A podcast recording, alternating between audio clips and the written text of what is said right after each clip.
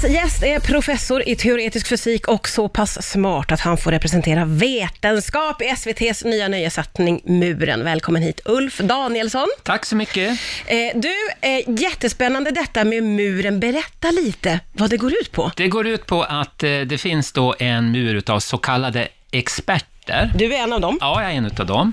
Och vi sitter där och sen så är det väldigt duktiga tävlande som egentligen tävlar mot oss. Ja. De har varit med i alla möjliga olika frågesporter och ofta vunnit de här frågesporterna, så det är lite läskigt på det sättet. Det är väldigt smarta tävlanden. Ja, det är det. Ja. Och de utmanar oss då i de här ämnena. Ja, ah. Ja, och eh, problemet då, det är ju att det ska gå så himla fort, så att det är liksom kortfrågor, sen gäller det att direkt då trycka om man kan, eller inte då, Ja. om man inte kan, va? för då får man, förlorar man poäng och Nu sådär. tolkar jag det som att du tycker inte om när det går så snabbt. Eh, Nej, fast det är ju rätt roligt också. det är det ju. I alla fall när man lyckas, och Ja, sådär, ja. då känns det bra. Ja. När man inte gör det känns det lite så halvbra. Men, eh, så att det är det, det. Och sen är det lite andra moment också med alternativfrågor och lite sådär, och sen någon liten final på slutet. Så lite olika moment sådär. Ja. Väldigt roligt, framför allt. Det låter ju väldigt roligt, Ja. men det låter ju som att ni som är experter, eh, ni har ju inget att förlora naturligtvis, men om Förutom man förlor- vår heder, Ja, jag tänker att det kan vara tufft att sätta sig i en sån position. Ja. Vad tänkte du kring det då innan du sa ja? Ja, nej, men jag tyckte att det lät så spännande ändå, så att det, var, det, var liksom, det gick inte att säga nej till det, utan det var bara och det var ingen idé att fundera på det, utan de, de sakerna får man ta sen. Då. Ja, det du- får man ta. Du är lite sån som tycker om att testa på nya Ja, grejer. det gäller sånt där så tycker jag det. Ja. Så att det var väldigt roligt och sen eh, var det, är det väldigt trevliga, de övriga i muren också, så Ja, det men var jätteroligt. Vilket gäng! Jag måste, måste titta, eh, läsa Ja. till. Några av dem som är med är Anna Kinberg Batra, Ebba Witt-Brattström, Staffan Heimersson, Patrik Ekwall. Alltså väldigt spännande Ja, namn. visst. Eh, Parisa Amiri, Ja. eh, Johanna Westman. Vilka var det du Edvard drog af Sillen- till? Ja, Silén. Nej, vilka var det du satte dig med när ni skulle fika? Alltså vi satt allihopa faktiskt och fikade. Så att det, vi, det blev ett väldigt bra och spännande gäng, så att vi pratade allihopa med var varandra. så. Kände du någon av dem sen innan? Nej, det gjorde jag faktiskt inte. Nej. Eh, nej, det gjorde jag inte. Någon, jag att Ebba Witt-Brattström hade jag liksom sett och träffat något tillfälle tidigare och sådär, men, nej, men jag tyckte det var, det var väldigt trevligt. Nya bekantskaper och, Ja. och sådär. Vad snackade ni om då? Mm, När det var liksom Ja. paus? Ja, vi snackade om hur, hur det gick och sådär förstås. lite så här, äh, lite, lite eftersnack och så. Och sen har vi alla våra olika bakgrunder och så som vi kunde gå igenom och prata och dela erfarenheter och sådär. Nej, men Ja. det var väldigt roligt. Det var det. Det där är ju spännande för att eh, då är ni ju ett gäng experter som Ja. har liksom konkreta bakgrunder. Ja. Eh, för jag har ju träffat dig i några sammanhang eftersom du och jag har ju tävlat ihop i Det TV. har vi gjort. Eh, när det begav sig På spåret. Och, och jag minns att det var väldigt många som tyckte om att ställa frågor till dig, alltså när vi inte tävlade, när vi fikade och käkade lunch. Ja. Och det kom mycket frågor om rymden och svarta det. hål. Ja, och, och det pratade jag om hela dagarna. Åh, vad folk tyckte om att fråga dig om det var sånt likadant också. nu också. Var det det?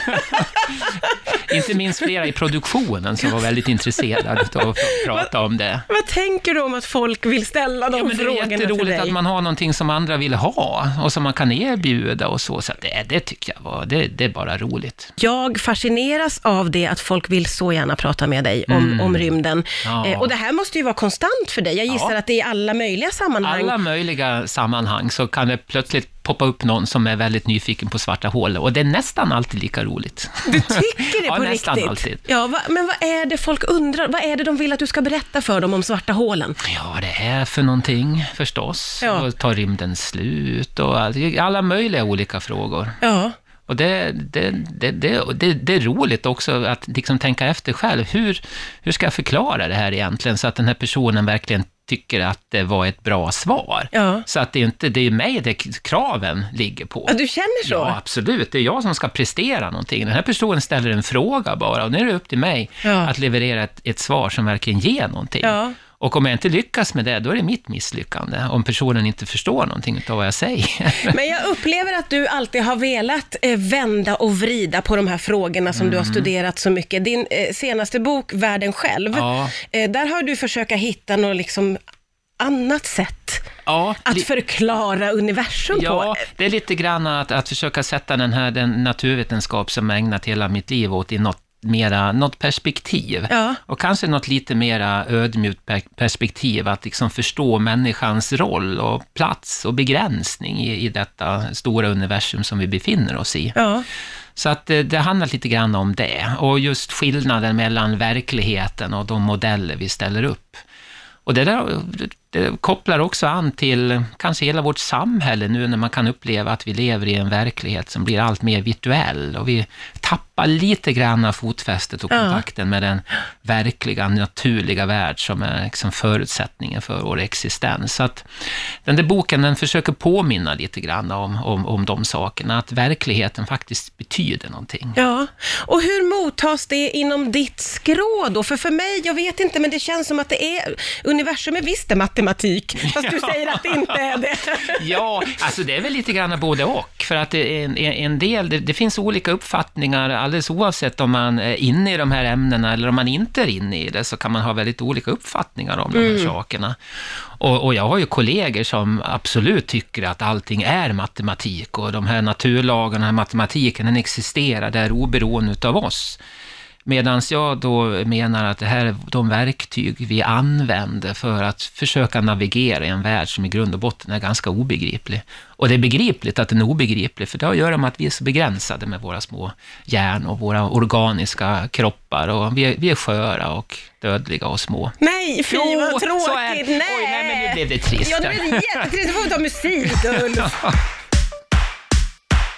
Det är Ulf Danielsson som är min gäst för dagen, professor i teoretisk fysik som mycket, mycket tycker om att utmana sig själv och du söker dig till lite annorlunda saker, detta att du nu ska vara med i SVTs Muren. Mm. Du har ju också gjort en eh, så kallad performance lecture på Dramaten, Ja, när du fick stå på scen eh, och då, ja men du höll dig ju naturligtvis inom ditt område, men det blir ju ändå något helt annat.